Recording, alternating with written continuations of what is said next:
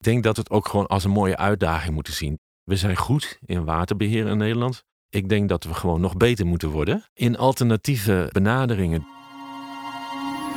Dit is Overdenken, een podcast van de Open Universiteit, waarin ik, Nienke de Jong, praat met hoogleraren en docenten over hun vakgebied, over actuele kwesties en over de mensen achter de wetenschapper. Onderzoekers van het KNMI maken zich grote zorgen over de gevolgen van klimaatverandering in Nederland. Met in deze aflevering Dave Huytema, hoogleraar Milieubeleid. Als er geen extra maatregelen worden genomen, krijgen we te maken met meer extreem weer en een snellere zeespiegelstijging. Wat gaan we doen tegen klimaatverandering? Hoe zorgen we ervoor dat we over 80 jaar nog altijd droge voeten hebben? En dat is slecht nieuws voor een land dat nu al voor een groot deel beneden de zeespiegel ligt. Nog meer maatregelen zijn nodig om het stijgende water tegen te houden. Zijn wij de baas over het water? Of is het water ons de baas? Dave, jij bent een Fries. Ik ben een Fries. De beste Fries. Ja, wist. Ja, een heugelijk moment dat ik voor het eerst in een OU-podcast even Fries kan praten. Maar jij bent geboren in Leeuwarden. Ja, dat klopt. Ja. En normaal hoef ik niet per se te weten waar mensen vandaan komen. Maar voor dit onderwerp is het, heeft het toch wel iets te maken met jouw fascinatie. ja, dat denk ik wel. Ja. Ik denk dat mijn fascinatie voor water heel veel te maken heeft ook met het opgroeien in Friesland, inderdaad. Ja. Want hoe Ja. zag die, eh, die jeugd van jou eruit? In Leeuwarden dus, in een wijk met veel water. Vaak eh, door de buurt aan het struinen. Ik heb vaak aan de waterkant staan kijken.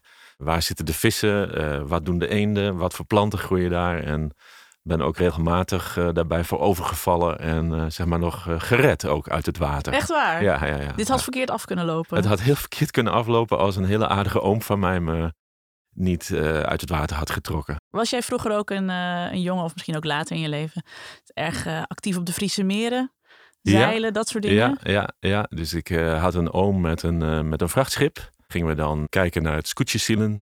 En natuurlijk zeilles. Dus dat water zat helemaal in jouw jeugd. Maar je bent geen weg- en waterbouwkunde gaan studeren.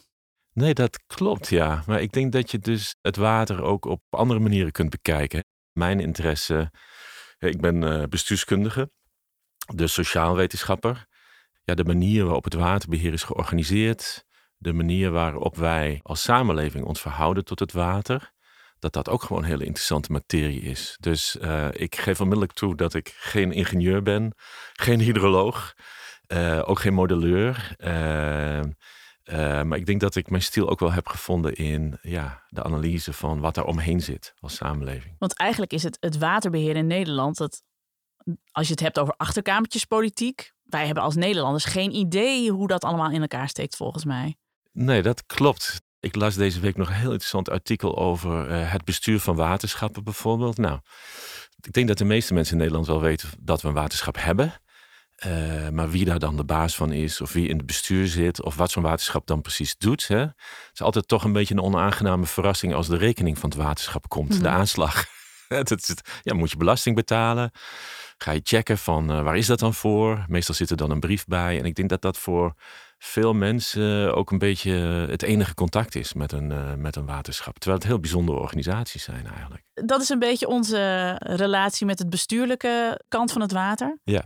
Onze relatie als Nederlanders met het water is natuurlijk ook eentje die al heel lang meegaat. Ja.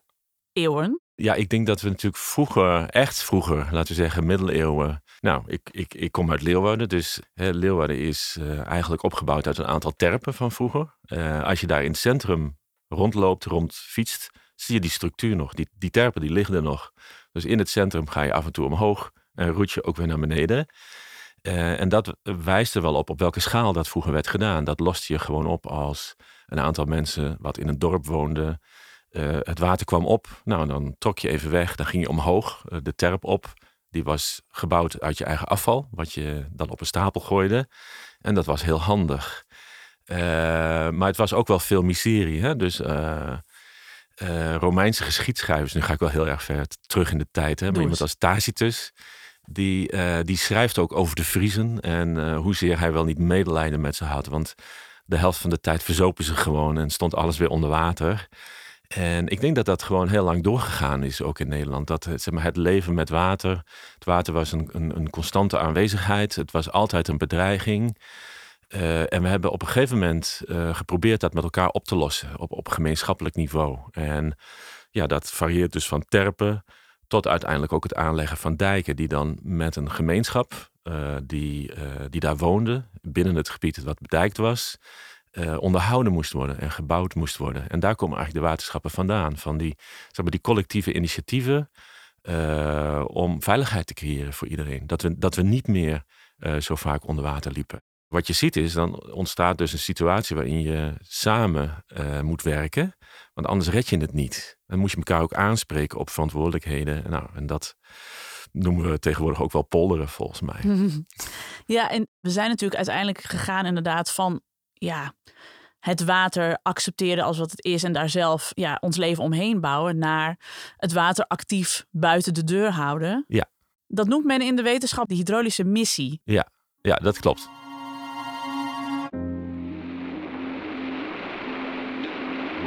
De ramp van 1953 heeft de stoot gegeven tot het ontwerpen van het zogenaamde Deltaplan. Een werk dat een paar miljard gaat kosten. Een werk ook dat de grandioze voortzetting is van de niet aflatende strijd die ons kleine land ter wille van de veiligheid van zijn bevolking tegen het water moet voeren. De hydraulische missie. Wat men daarmee bedoelt is de tijd waarin we het water gebruikten en het landschap veranderden voor eigen gewin. Voor de verbetering van de industrie bijvoorbeeld. Of voor de intensivering van de landbouw. Water als middel om verder te komen in de vaart der volkeren, zonder echt op te letten wat die veranderingen voor invloed hadden op de ecologie.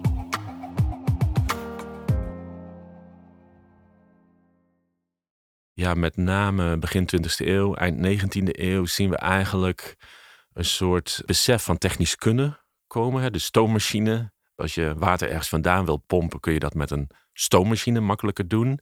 We zien dat we controle krijgen over het water. En we krijgen ook het gevoel van we kunnen dat domineren. En die hydraulische missie, dat is ook een soort term voor natievorming. Dus het land Nederland had altijd bestaan uit een aantal provinciën. Die waren vrij los van elkaar. Alle provinciën hadden hun eigen cultuur, hun eigen bestuur.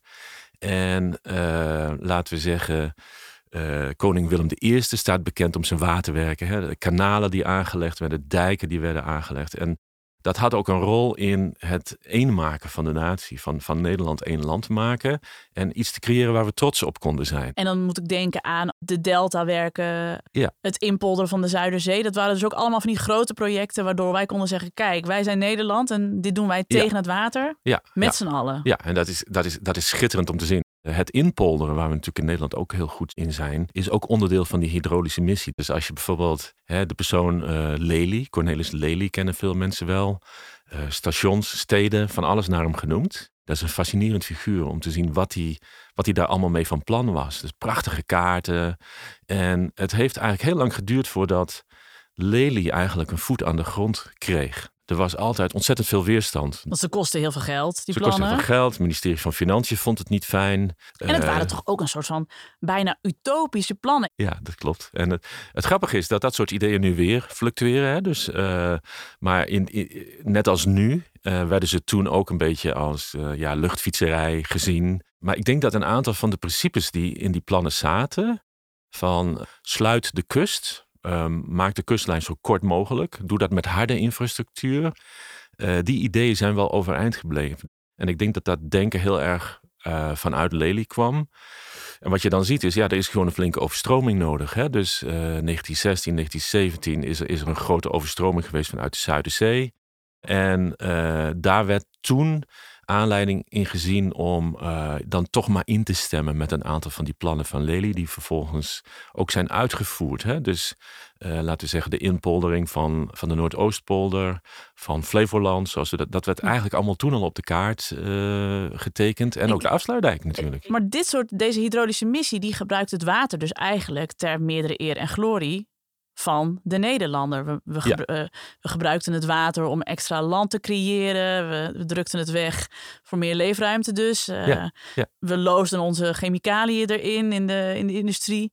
Dat hou je niet heel lang vol, zeg maar, die overheersing van het water. Ja, dat eh, klopt. Dat is eigenlijk vanitas. Het is eigenlijk ijdelheid. Hoogmoed. Hè, om, om dat te denken. En dus ik denk dat een consequentie daarvan geweest is dat we eigenlijk eh, het leven met water hebben losgelaten. Dus we zijn eigenlijk met ons rug naar water gaan leven.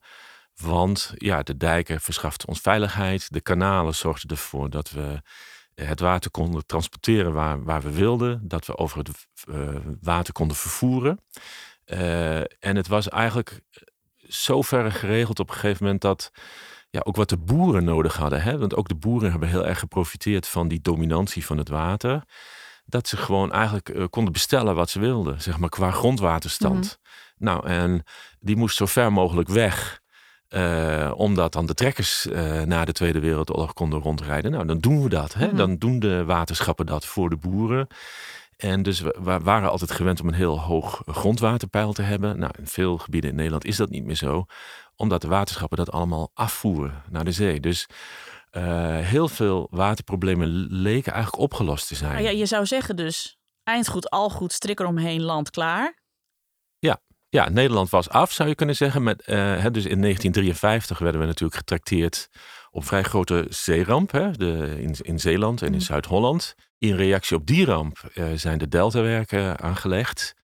En uh, toen die klaar waren, ergens zo begin jaren negentig van de vorige eeuw, dachten we eigenlijk van oké, okay, nu is het klaar. Maar we hebben in die jaren ook met, met onze neiging naar alles maar zo veilig mogelijk maken, ook veel kapot gemaakt. Dat klopt, ja. De tegengeluiden tegen de hydraulische missie werden steeds sterker. Met name vanaf de tweede helft van de 20e eeuw. Dat kwam bijvoorbeeld tot uiting in de discussie over de dam in de Oosterschelde, het sluitstuk van de deltawerken. Ik zou hier ook niet graag verdrinken, hou met de hoede, maar laat ze dus de dijken ophogen. Door afsluiting van deze zeearm zou het ecosysteem onherstelbaar veranderen. En vanuit een ecologisch gedachtegoed werd hiertegen geageerd. Wij zijn 78 en wij houden van water. Ik vind de Oosterschelde ook moet blijven. Op lokaal niveau speelden veel vergelijkbare discussies en kwam het verzet uit de natuurbeweging op gang. Op een gegeven moment kwamen er mensen die zeiden van ja, maar wacht eens even, we trekken die hele natuurstuk hier. Dus uh, mooie meanderende beken, uh, het landschap met, uh, met bomen erin, met, met de biodiversiteit, met, met, de, met de vogels eigenlijk alles wordt gemechaniseerd. Alles wordt rechtgetrokken, strak getrokken, zodat de landbouw maar, zeg maar ook de laatste uh, kubieke uh, meter productie kan trekken uit dat, uit, uit, uit, dat land, uit die grond. En kregen deze actiegroepen een beetje voet aan de grond in, uh, in politiek Den Haag? Nee, eigenlijk niet. maar dat was misschien ook niet het meest belangrijke. Dus degene die erover gingen, dat waren de waterschappen en de gemeente in zekere zin die stonden gewoon niet heel positief tegenover die actiegroepen. En juridisch gezien hoefden ze er ook eigenlijk geen rekening mee te houden. En wat er nu veranderde in de jaren 50 met name, is dat we wetgeving kregen, de wet op de ruimtelijke ordening. Die was eigenlijk heel progressief. En die bepaalde dat juist in het buitengebied, als je daar iets verandert, heb je daar toestemming voor nodig van de gemeente. Iedereen, letterlijk iedereen, elke wereldburger mocht daarop inspreken. Sterker nog, uh, je mocht er niet alleen op inspreken, maar je mocht er ook bezwaar tegen maken. En je mocht ook naar de rechter om die plannen te bestrijden. En dat was voor die ecologische groepen fantastisch. Want het was een soort wettelijke opening van, oh, we mogen inspreken. Oh, ze moeten naar ons luisteren. Als ze het niet doen, kunnen we bezwaar maken. En het land werd meer van ons. In ja. plaats van van de mensen ja. die de lineaal op de kaart legden en zeiden, nou hier moet maar een kanaal komen. Ja, dus dat, dat, voor, dat was voor die waterschappen, die natuurlijk, dat zijn, hè, dat wordt vaak uh, omschreven als boerenrepublieken. Was dat een enorme eye-opener van, oh wacht eens even. Uh, er zijn nog meer mensen met een mening over uh, het platteland. En er zijn nog meer mensen waar wij rekening mee moeten houden. En oh, lieve help, die denken er heel anders over. Die willen de natuur beschermen. Mm. Uh, en dat heeft, dat heeft lang geduurd voor, voordat dat echt doordrong. Je ziet bijvoorbeeld ook binnen een organisatie als Rijkswaterstaat.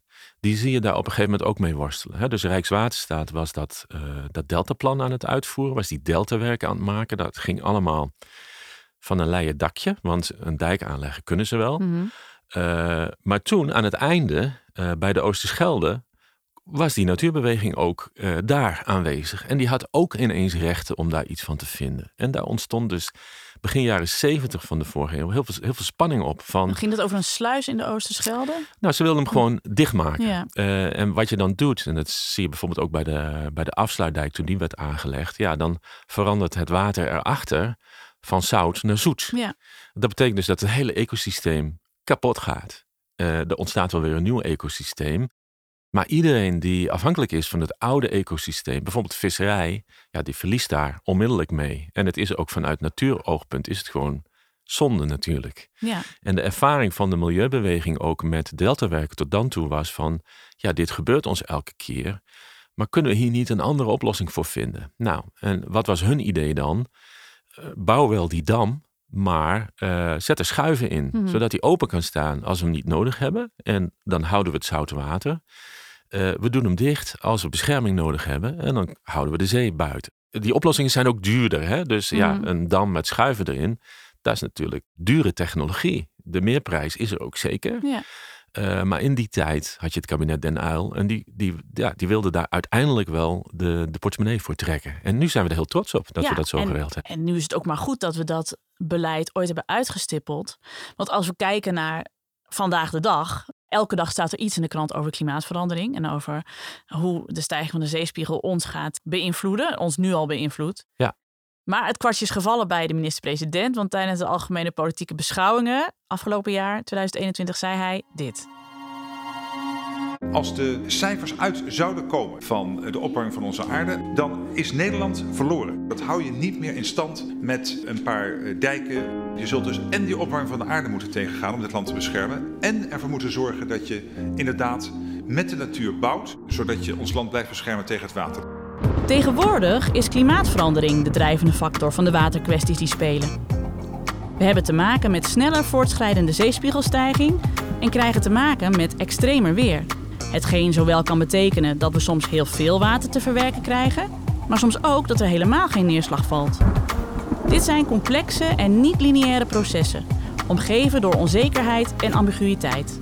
Het betekent dat onze voorbereidingen op extreem weer effectief nooit klaar zijn en dat we op een adaptieve wijze moeten omgaan met ons waterbeheer.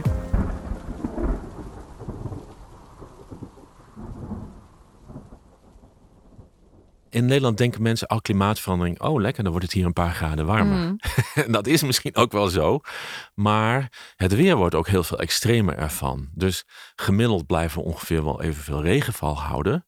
Alleen het komt bij wijze van spreken in één nacht uh, uit de hemel vallen. Terwijl Ja. het voorheen uh, deden we daar een maand over. En dat betekent een enorme ophoping van het water.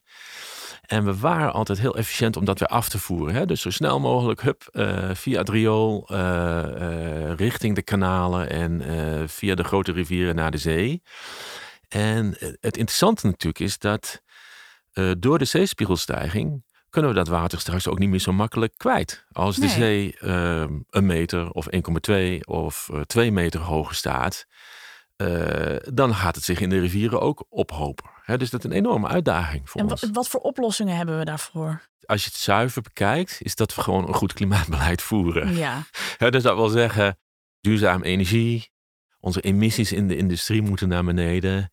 Waar je nou zegt van klimaatverandering is voor een deel gewoon een feit, kunnen we niks meer aan veranderen. Dus onze emissies kunnen, moeten we nu heel snel terugbrengen. Je zult toch een restant klimaatverandering overhouden.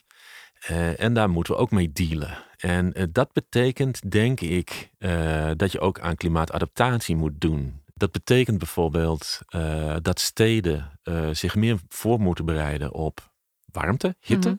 Dus het kan, zoals we de, de vorige zomers hebben meegemaakt, eh, onbeschrijfelijk warm worden in Nederland.